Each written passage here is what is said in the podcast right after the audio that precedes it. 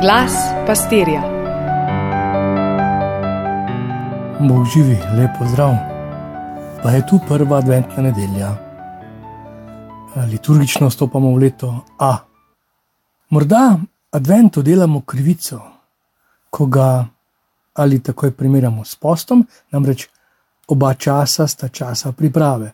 Post na veliko noč, advent pa na božič. S tem, da imamo občutek, da je post bolj dejaven, bolj učinkovit. Bolj vemo, kaj nam je storiti. Človek spreobrni se, prah si in prah se povrneš. Skratka, in neke vrste nežnejši post.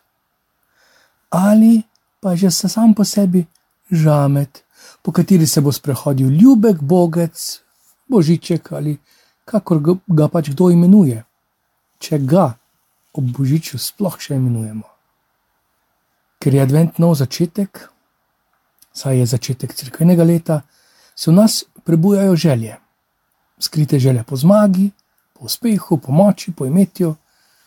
Tudi če je s to željo, ki bi jo radi uporabili za dobro, je vseeno moja, v zadju moja želja po Bogu, da bi ga imel, imel zase. Verjetno tudi dal drugim. Ampak še bolj pa je advent veliko bolj želja njega. Sam bom premagal veliko razdaljo, če bom ukrotil sebično željo. Bog pa premaga neskončno razdaljo večnosti v mojo majhnost, iz čiste resnice vstopa v mojo laž, iz svetosti v moj greh. Moj jaz tja nikakor ne more, ne po svoji zaslugi, ne svojo močjo. Tu nas Gospod uči tega, kar pa zmoremo, da smo čuječi. Ponavlja v Evangeliju: Budite torej budni, budite pripravljeni. Gledati pomeni biti pozoren, biti buden, biti prisoten. Ampak ne samo na razumski, kaj šele na fizični ravni. Uči nas gledati srcem, z ljubeznijo. Prebral sem misel nekega učenjaka, ki pravi, da nas bo umetna inteligenca ali popeljala med zvezde ali uničila. V marsičem nas že prekaša, kako nas prekašajo stroji, na to smo se navadili. Toda ga ni stroja, naprave, elektronike, umetne inteligence, ki bi lahko bil svetopisensko pozoren, torej buden v ljubezni. Samo tako je lahko advent pra, priprava na božič, priprava na srečanje z Bogom.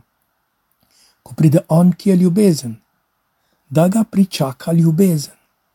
Ta pa vključuje mene celega, moje telo, moj spomin, moj razum, moje načrte, mojo dušo in mojega duha. Naj se na današnjo nedeljo prebudi želja hoditi proti Betlehemu. Ta čas lahko v njem premešljujem, se o njem pogovarjam, prebujam željo po njegovi bližini, hrepenenje po njem, njemu molim. Ne spotikajmo se nad lučkami, ki jih bomo prižigali po trgih in mestih, hišah in domovih, tudi ne odrihajmo po temi. Človeštvo je doživelo na svoji poti že toliko dramatičnih pacev in sponov, in vendar Bog zvesto prihaja. Znova in znova izvablja iz nas to, da smo otroci luči.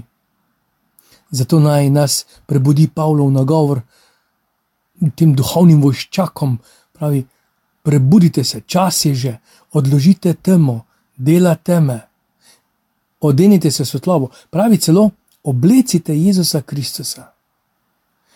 Če bomo zazrti v svet, se zna zgoditi, da se bomo ustrašili.